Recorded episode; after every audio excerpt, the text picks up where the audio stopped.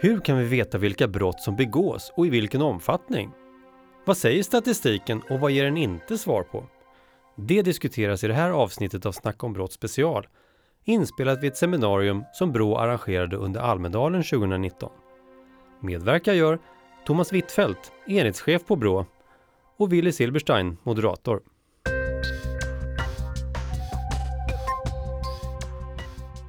Och det är, fantastiskt, det är fantastiskt att det är så många här, för om jag ska vara ärlig så tänkte jag att nu är det bara en handfull nördar. Så antingen finns det fler nördar än jag trodde, eller så är det ett mer brett ämne än vad jag trodde på förhand.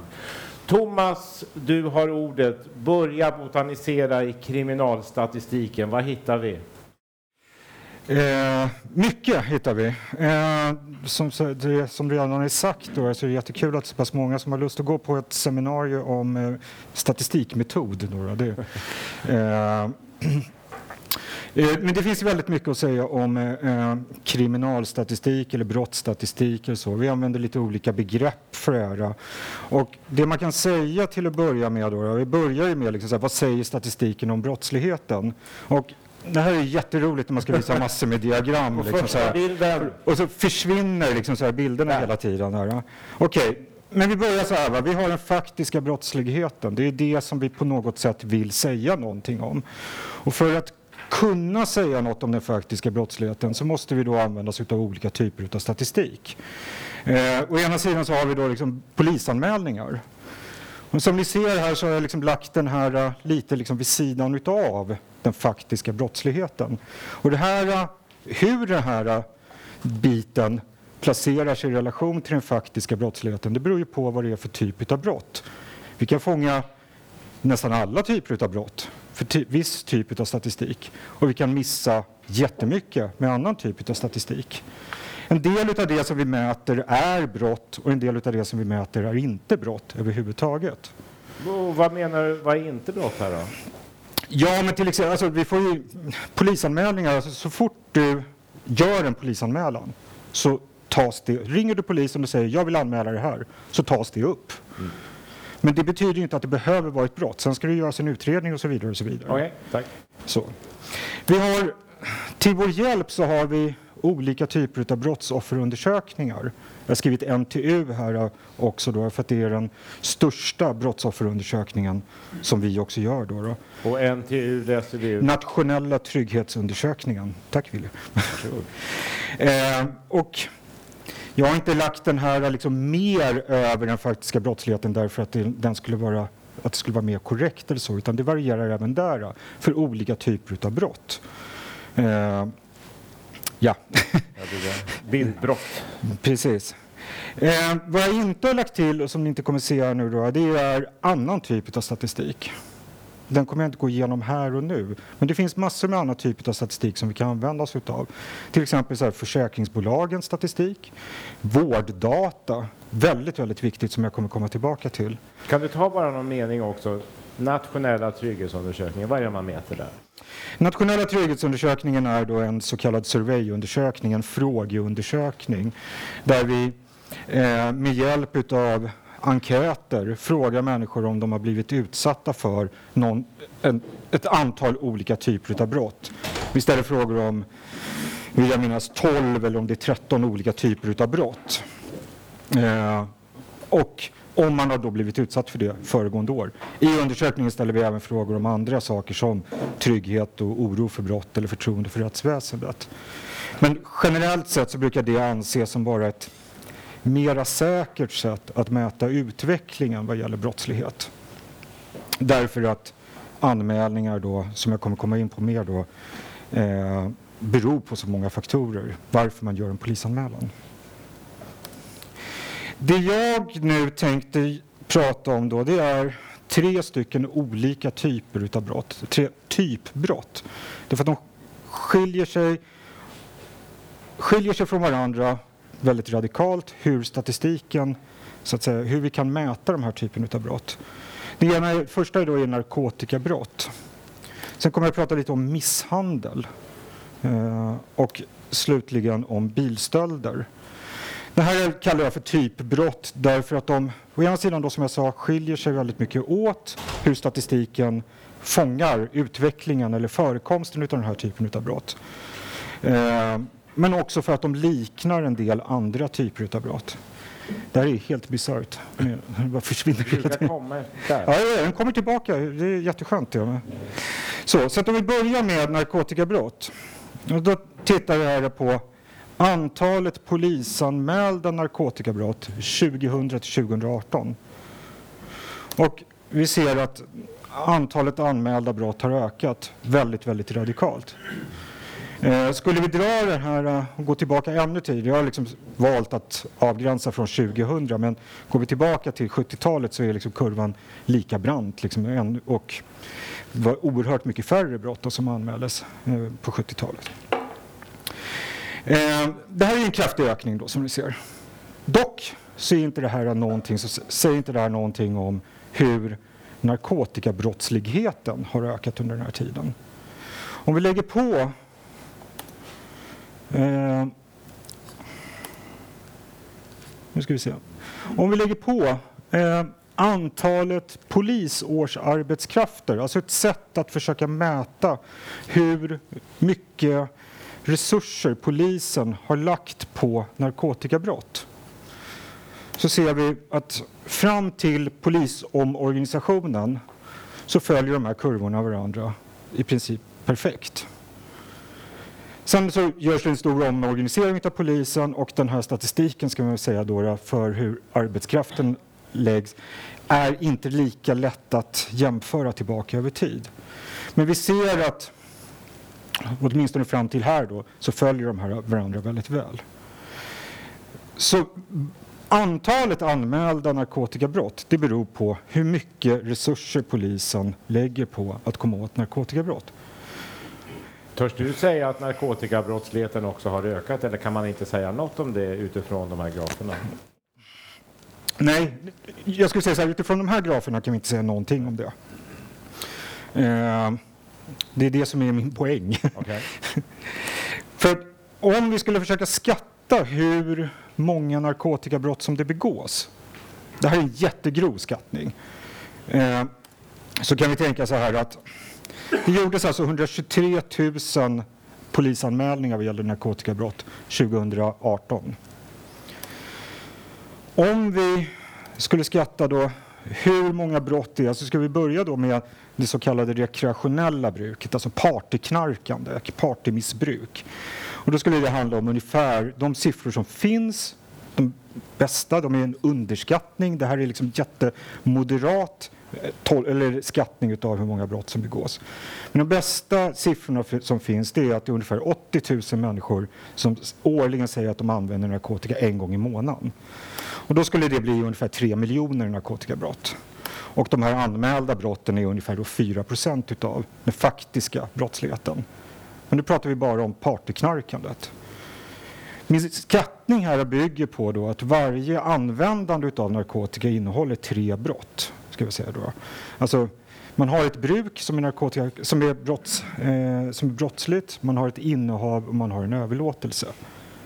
Det här är liksom så här, bara en skattning, det är ett, ett tanke, eller vad ska man säga, en, eh, Eh, en tankelek liksom så här, med för att kunna sätta antalet anmälda brott i något slags perspektiv. Men det här som sagt det här är bara det rekreationella bruket. Om man går vidare till det tunga missbruket. Den senaste siffran som finns den säger att det är ungefär 30 000 tunga missbrukare. Den är gammal den här siffran. Sannolikt, om vi då ska uppskatta hur många det kan vara, så är det fler idag. Så att utifrån det här så skulle det vara har, eh, brotten har ökat då.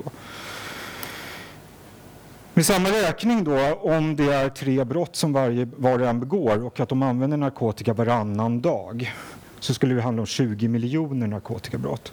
Och de här eh, anmälda brotten är alltså då 0,6 procent utav den totala brottsligheten.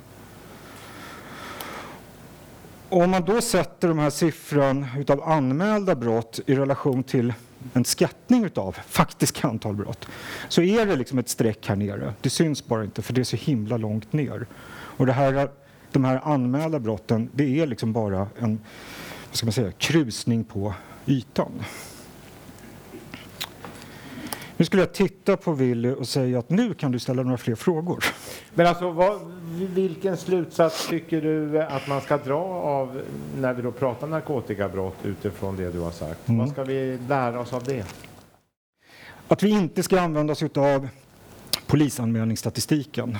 Utan när vi vill veta om narkotikabrottsligheten till exempel då ökar eller, eller inte, då måste vi titta på eller vi måste först bestämma oss vad är det för typ av narkotikabrott.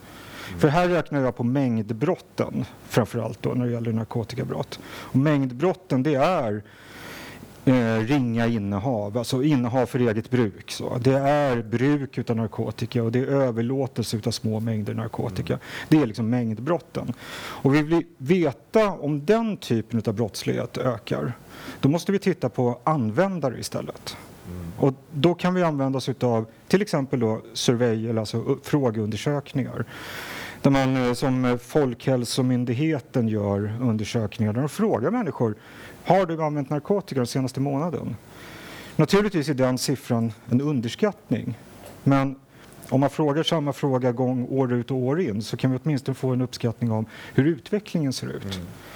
Man kan göra andra typer av undersökningar där man kollar hur många tunga missbrukare det är. Och vi kan ju anta då, finns det många tunga missbrukare så ökar den, eller ökar antalet tunga missbrukare så ökar den typen utav, utav narkotikabrott. Och möjligen blir det en ledande fråga till en statistiker, men jag anar att mycket av det som redovisas i media och i debatten är inte bara faktabaserat. Nej, alltså ibland så ser man, jag skulle säga i och för sig då att det, är- jag, jag tillhör inte de som har lust att liksom sparka på media när det gäller sådana här frågor utan jag tycker väl kanske i och för sig att när det gäller just narkotikabrott eh, så har man väl kanske blivit bättre på att kunna läsa det. Ja. Men det finns ju andra brott då, då som har samma karaktär. Eh, om vi tar till exempel Eh, ibland så kan det ju komma eh, uppgifter om att eh, ehm, de flesta, eh, om skattebrott till exempel. Att eh, det begås väldigt mycket skattebrott i en viss bransch. Vad man ofta missat då, det är ju att Skattemyndigheten har redan deklarerat att i år så ska vi fokusera extra mycket på den branschen. Så att man gör särskilt många revisioner, inom, alltså deklaration, eller revisioner utav eh, momsbetalningar, vad, man nu gör där. då. Och, och tittar eh, särskilt på en specifik bransch. Då. Och då är det inte så konstigt att man hittar det där. Och det är väl så som det här är en liknande typ av brott. Men då tittar jag på Thomas och säger att nu kan du fortsätta till nästa område. Då fortsätter vi till nästa område. Eh, då tänkte jag då gå vidare till misshandelsbrott. Och likadant där då så tänkte jag börja då, då med eh, anmälda brott. Här har jag dragit tillbaka kurvan till 1981 men här kan vi också se då så att vi har haft en väldigt kraftig ökning av antalet anmälda misshandelsbrott. Och här är då så då är frågan så här, är det här då liksom en konsekvens utav en faktisk brottslighet? Nja, kanske inte. Om vi tittar på eh, nationella trygghetsundersökningen och vårddata. Vi börjar med vårddata. Så ser vi att nu har jag liksom gått tillbaka till 2000 här då. Men vi ser här att de senaste åren så har vi haft en nedåtgång vad gäller eh, slutenvård, alltså de som har blivit så allvarligt misshandlade så att de behöver slutenvård. Då kan vi ta det som en indikator på så att säga då att sannolikt så är det så liksom att eh, det finns någon slags korrespondens mellan de mindre allvarliga misshandelsbrotten och de allvarligaste misshandelsbrotten. Oftast så kanske det är eh, av misstag eller liksom, eh, vad ska man säga, Alltså en misshandel som går för långt så att säga och som gör att eh, den går över till att behöva vård. Och den här statistiken är ganska säker då? Ja, relativt säker. Eh, Vi, vi Hur kan, rapporteras den? Berätta. det här är ju från, eh, alltså om du kommer till sjukhuset. Du be, Det är sjukhusen som Det är rapporterar sjuk- in. sjukhusen som Okej. Mm. rapporterar till Socialstyrelsen. Eh, och om du då eh, kommer till sjukhuset, du, behöver, du är så pass allvarligt skadad så att du behöver slutenvård, alltså läggas in på ett akutsjukhus, Mm. eh, så, så, så registreras det. Det finns annan statistik, jag har inte med den här men jag kan säga då att det ser ungefär likadant ut. Det finns alltså specialist, eh, specialistvård eh, eh som du kan få inom öppenvården och det gör inte någon skillnad för den här typen av statistik. Man ser samma trend.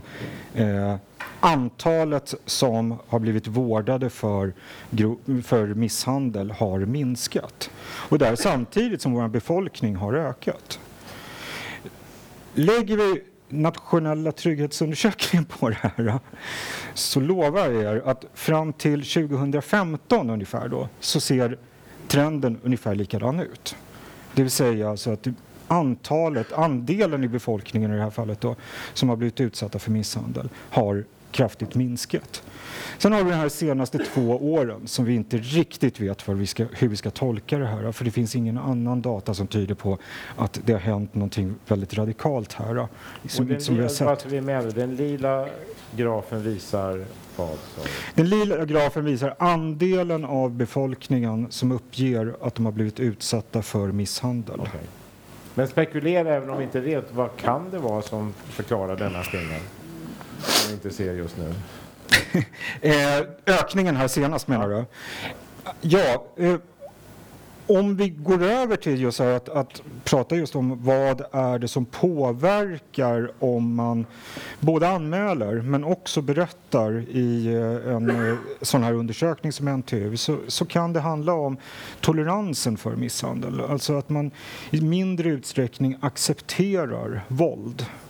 Eh, och det, det kan vi tänka oss eh, förändras över tid. Det påverkar ju sannolikt också just det här eh, trenden vad gäller antalet som blir utsatta. Så därför så blir det lite märkligt med just den här kraftiga förändringen som vi, har, som vi ser de här två åren. Då. Så och det finns inget i debatten som skulle kunna förklara att vår tolerans minskar? Och att vi är... Så radikalt? Ja. Nej, det tror jag inte faktiskt. Men det är svårt att säga. Alltså, finns det någon saklig grund eller är det bara statistiskt konstigt? Eh, ja, alltså det, det, här är två år, så det är en kort period som vi ser den här förändringen. Och därmed så är det svårt att säga just här, er, hur väl stämmer det här, vad är det? Mm. Vi kan inte se några fel i undersökningen. Eh, så det, det, det, det, är väl det som egentligen är också ett budskap här, alltså att man måste använda sig av flera olika typer av källor. Eh, vad vi vet utifrån nationella trygghetsundersökningen, om vi ser över flera år, så kan vi se att ungefär, vad ska vi säga, ungefär 30 procent av alla misshandelsfall anmäls till polisen överhuvudtaget. Och det gör ju att anmälningsstatistiken är inte lika dålig källa som när det gäller narkotikabrott, men det är fortfarande en källa som behöver användas tillsammans med andra källor. Och samma sak kan man ju säga om nationella trygghetsundersökningar. Så det är inte, det är inte så att det finns ett facit på eh, exakt facit på hur ser brottsligheten ut totalt sett, utan man måste använda sig av olika källor. Och I det här fallet då så ska jag lägga till då just vårddata som en källa som man behöver använda sig av. Så. så Egentligen så ska man väl säga då så här, vad, vad, är det som påverkar huruvida man anmäler de här typen av brott? Använd, anmäler misshandel. Och på längre sikt så kan man ju se då att attityder påverkar eh, vår syn på misshandel och om man då accepterar misshandel. Men sen är det ju andra faktorer som till exempel allvarlighetsnivån på brottet. Det enskilda liksom, misshandeln blir oftare anmäld om det är en allvarlig misshandel.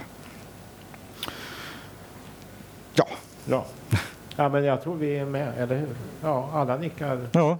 Du klarar pedagogiken så här långt. Då tar vi nästa. Eh, ja, egentligen så skulle jag vilja stanna kvar vid egentligen då, här, vad, alltså, som jag sa när det gällde eh, narkotikabrott så handlar det också om så här, vad är det för andra typer av brott som det här liknar. Och när det gäller misshandel så skulle jag säga då att de brott som man kan jämföra de här mekanismerna med eh, det är väl andra typer av brott där det fin kan finnas en relation mellan gärningspersonen och brottsoffret. Där brottet ofta kan begås i affekt. Eh, och där brottsoffret och gärningspersonen på något sätt måste ha en interaktion mellan varandra. Eh, brott som är lätt att tänka sig då, det är till exempel sexualbrott. Det är olaga hot, det är trakasserier, den typen av brott. Och där det då eh, påverkas, alltså både om man berättar i en eh, intervjuundersökning eller om man berättar i, eh, eh eller om man gör en polisanmälan, påverkas i stor utsträckning av eh, samhällets syn på brottslingen.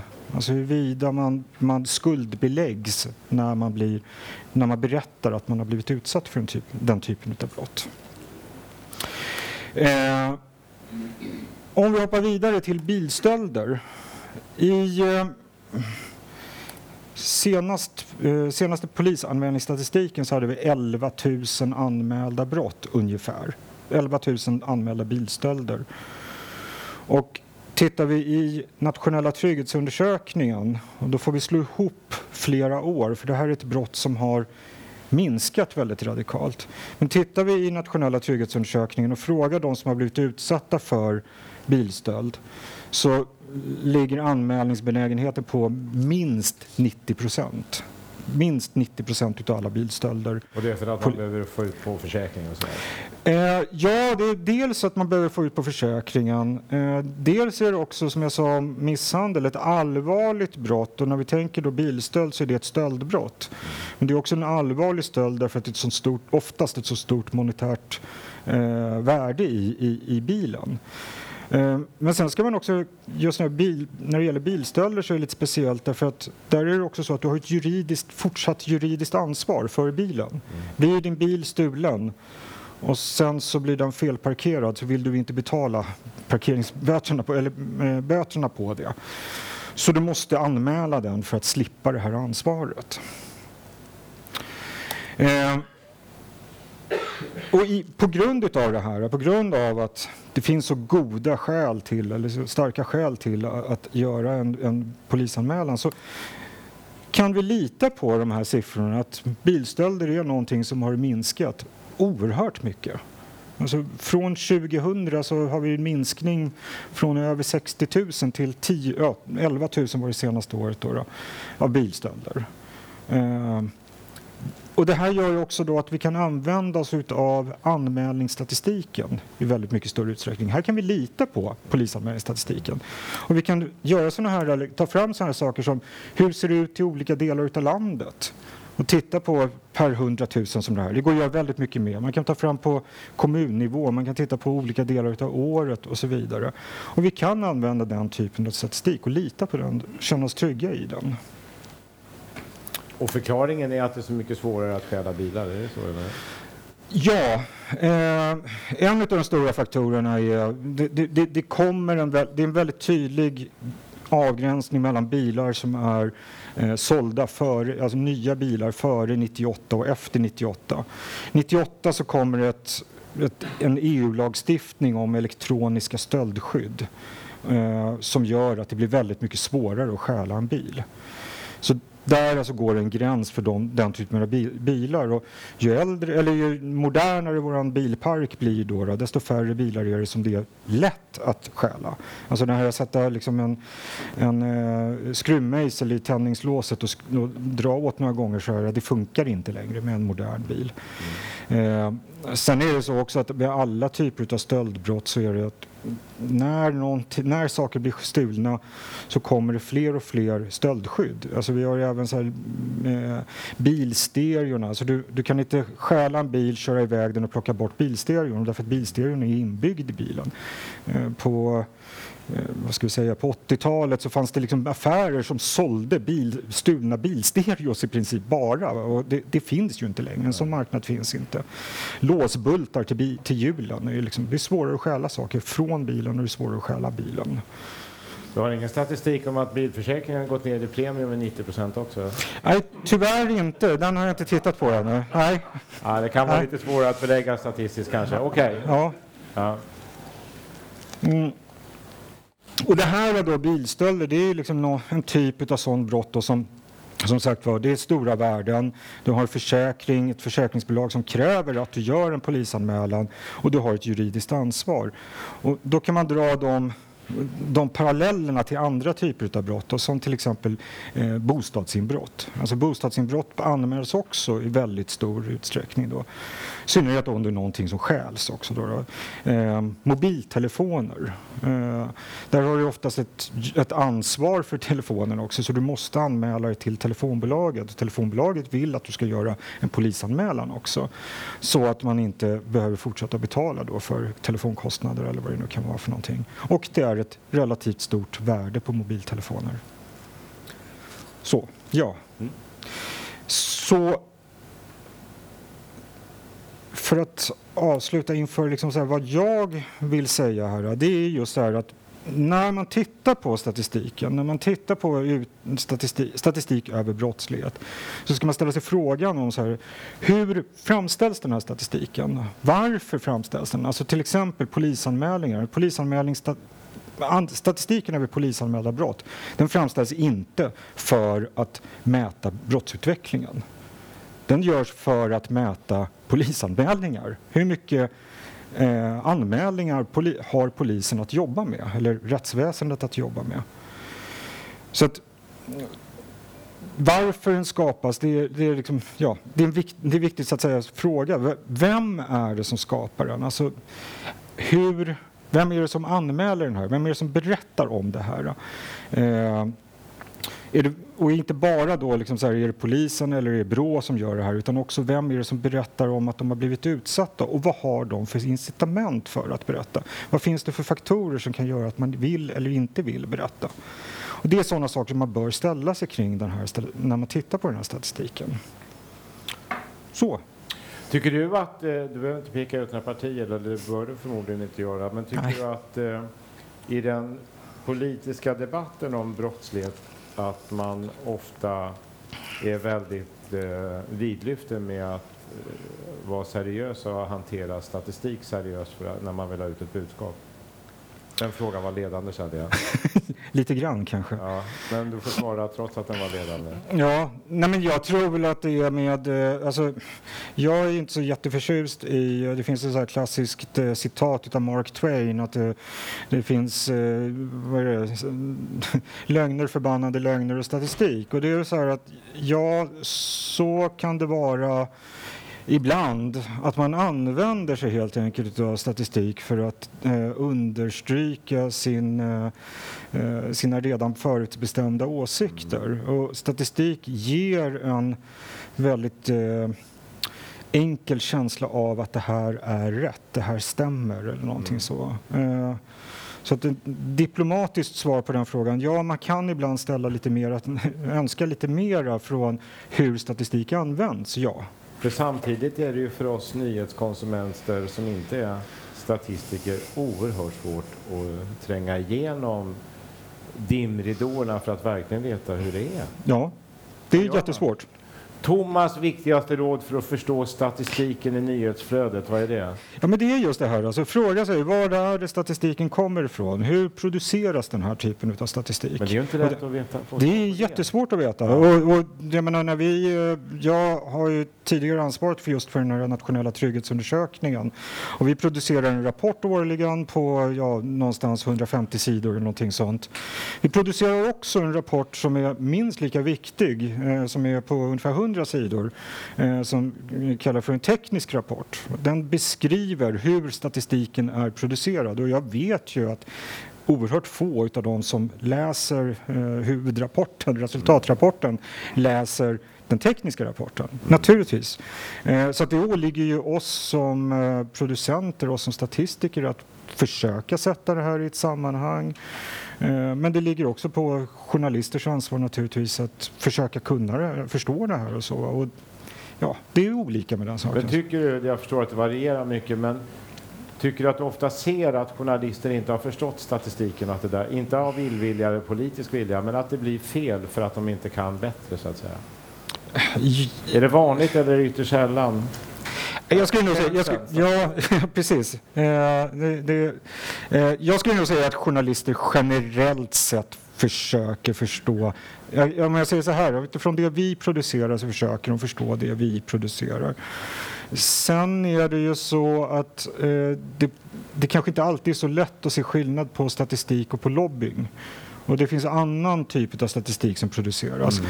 Mm. Eh, som produceras med enkom att lyfta fram en, en, eh, en ståndpunkt. Och det är ju svårare att se igenom det. Ja. Eh, så att det, det finns ju... Eh, det är lätt att luras. Och, ja. och, och, ibland blir man lurad. Blir ja. journalister lurade helt enkelt. Tack. Finns det frågor i denna population? Varsågod. Vi har en handmick som Monica kommer med nu. Här framme Monica. Ja. Jag kan ta den och gå här. Tack. Varsågod. Tack. Eh, jag tänkte på två frågor egentligen. Den ena är ju när det gäller då eh, misshandelsbrotten och eh, då att de blir inlagda på sjukhus. Och där tänker jag att man måste ju även titta på eh, har sjukvården förbättrats så pass mycket att man helt enkelt har färre inläggningsdagar. Och när de ställer frågan om de har blivit misshandlade, eh, hur gör de den bedömningen om det är ett ofredande misshandel eller ett mordförsök eller vad det nu kan tänkas vara. Det är den ena frågan. Och den andra är att min bild är också att stöldbrottsligheten generellt har gått ner avsevärt. Men hur hjälper Brå, eh, i mitt fall då polisen, att tänka prognoser och titta på utläst statistik. Eh, för när det gäller bedrägerier har vi ju helt blivit tagna på sängen helt enkelt, där de ju har mångdubblats och när man tittar på England så bara rasar det i höjd men vi hänger inte riktigt med inom polisen därför att vi har inte tillgång till den typen av statistik utan vi så att säga sitter med, med problemet redan när det har skett. Ja. Thomas, tack. Eh, när det gäller vårddata så, så är ju eh, som jag sa, det finns även vårddata över eh, specialistbehandling i öppenvård och den ser ungefär likadan ut där då. Och då spelar det inte någon roll hur många gånger, hur länge man har blivit vårdad utan det handlar om huruvida man har blivit vårdad för eh, yttre våld av, påverkat av någon annan. Den typen av statistik så tror jag nog ändå att den är ganska god, har god jämförbarhet över tid. Det är vad Socialstyrelsen Eh, bedömer när det gäller den, den typ, som, de som ansvarar för den statistiken. Eh, de, de gör bedömningen att den är, har en god jämförbarhet över tid. Eh, din andra fråga, ja, alltså stöldbrott generellt sett minskar, så är det. Och i, parallellt med det så ökar bedrägeribrotten när det gäller bedrägeribrott så är det så, då har vi ju, då har vi ju då, eh, som jag varit inne på här, då, vi har olika typer av statistikkällor vi kan använda oss utav. Vi har anmälningsstatistik och vi har nationella trygghetsundersökningen i huvudsak. En hel del av eh, bedrägeribrotten begås inte mot enskilda personer utan de kan begås mot eh, företag, föreningar och så vidare. Den typen av statistik, den har vi, där är vi ganska dåliga. Där har vi bara polisanmälningarna. Eh, när det gäller att göra prognoser över vilken typ av brott som kommer att öka så att säga, i framtiden. Jag önskar att vi kunde ta fram någonting sånt, vi kunde skatta det, men det är svårt. Men däremot har vi ju sett under lång tid att, att bedrägerier, att man går ifrån att ta till att lura av människor, det har vi sett under lång tid att det, har, att det finns en ökning där. Så att, eh, men jag vet inte riktigt vad jag ska svara på egentligen fortsatt än det. Så, men det är, det, bedrägerier är också svårt därför att, det, att mäta för det ligger i bedrägeriernas natur att det mest framgångsrika bedrä, bedrägeriet det upptäcks inte av den som blir utsatt ens. Alltså det ska, handlar ju om att göra det så svårt att upptäcka som möjligt. Mm. Tack. Eh, jag ser flera händer. Där är en och där är en och båda ska få ställa sina frågor. Varsågod. Hej. Eh, jag saknar lite, nu med tanke på de senaste dagarnas skjutningar, fyra skjutningar på en och samma dag. Eh, jag skulle gärna vilja se statistik på antalet eh, skjutningar och dödsfall mm också. Ja. Det är nog ganska aktuellt, skulle jag kunna. Tack. Thomas, har du det? Nej, det har jag inte här, men det var väl seminarierna innan som, som tog upp det ja. som, som ja. specifikt. Alltså det här var väl mer en uh, typbrott som den, den här ja. uh, dragningen handlade om. Är ledsen. Varsågod. Christian Syse, Norges ambassadør til Sverige. Hjertelig tusen takk. Uh, og det er vel masse interessant her på Brå gjennom dagene, så takk for det. Eh, kriminalitetsutvecklingen i Sverige väcker enorm intresse i Norge. och jag får hyppig spörsmål från norska journalister.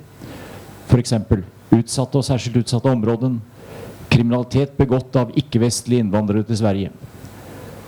Jag graver i statistiken. Jag vill veta vad slags nationellt upphav har disse.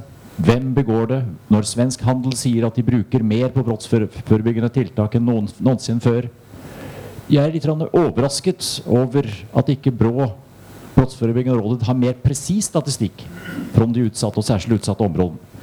Min fråga er, Thomas, du og dine dyktige kolleger, driver dere selvsensur?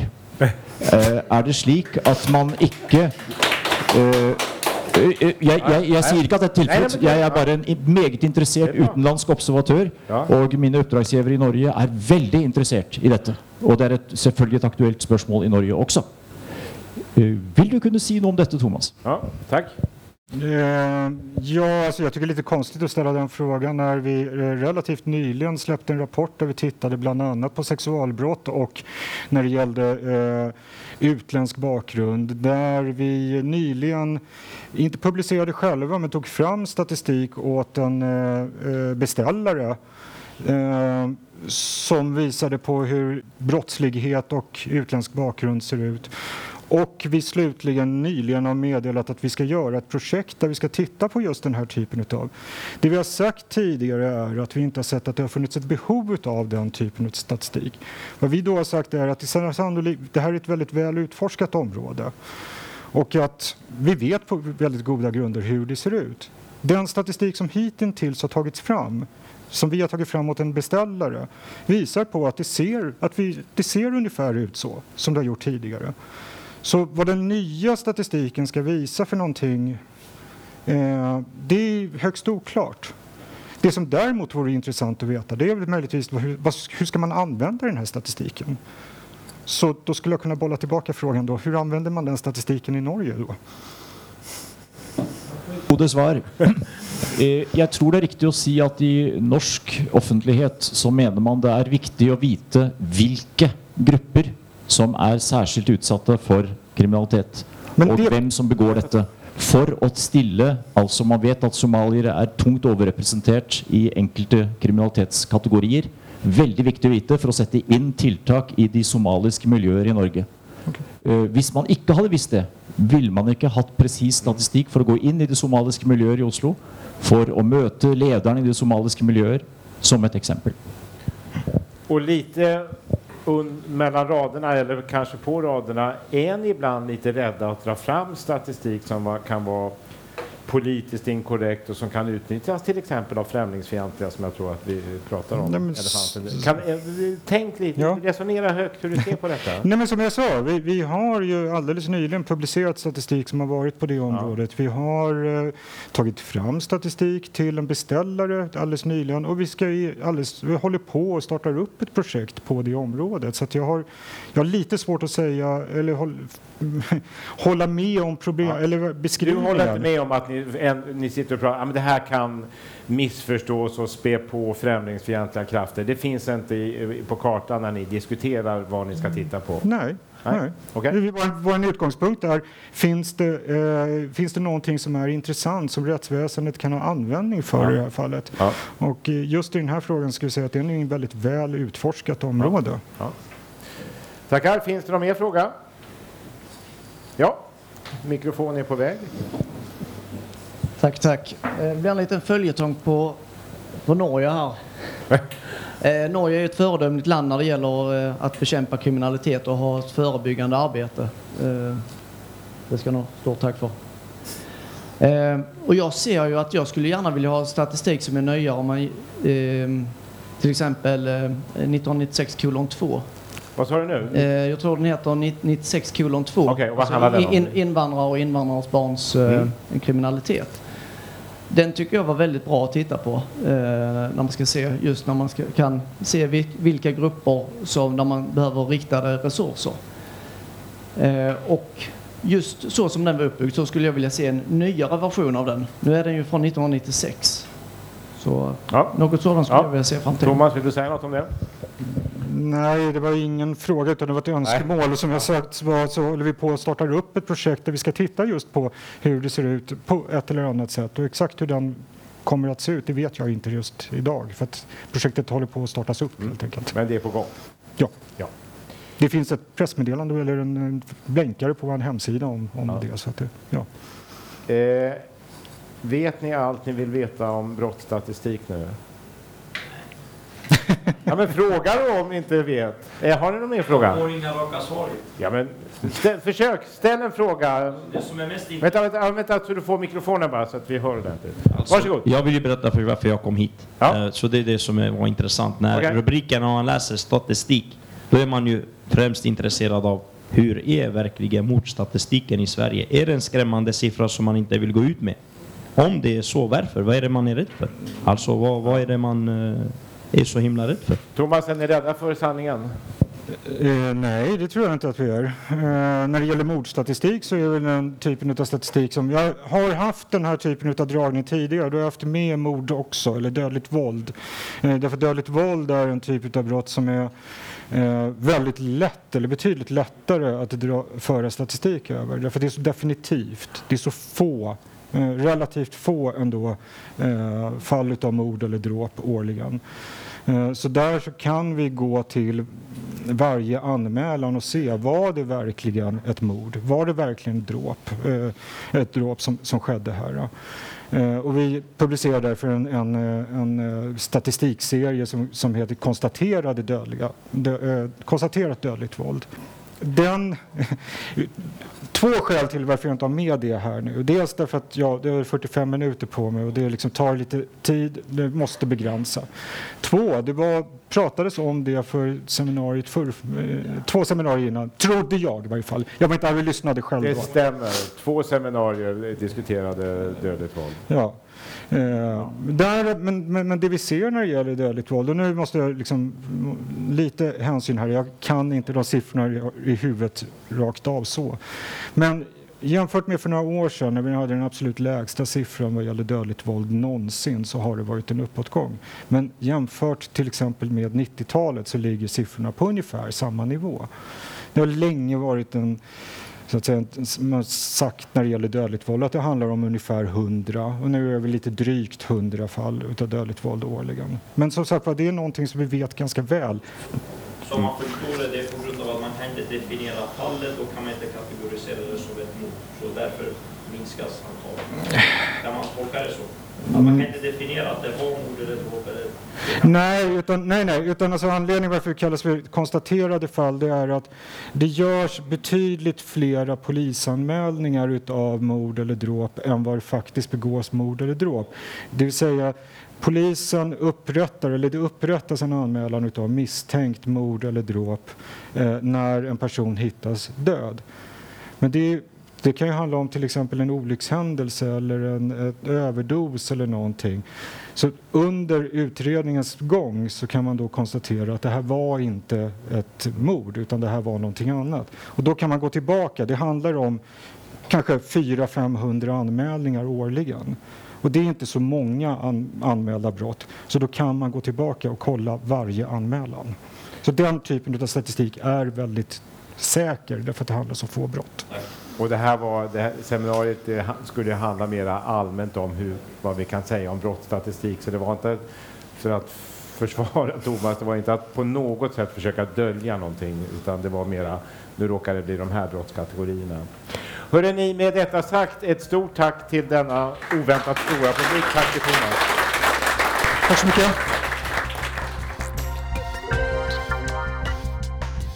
Du har hört ett avsnitt av Snack om brott special från Brå, inspelat i Almedalen 2019. Medverkade gjorde Thomas Wittfeldt, enhetschef på Brå, och Willy Silberstein, moderator. Tack för att du lyssnade!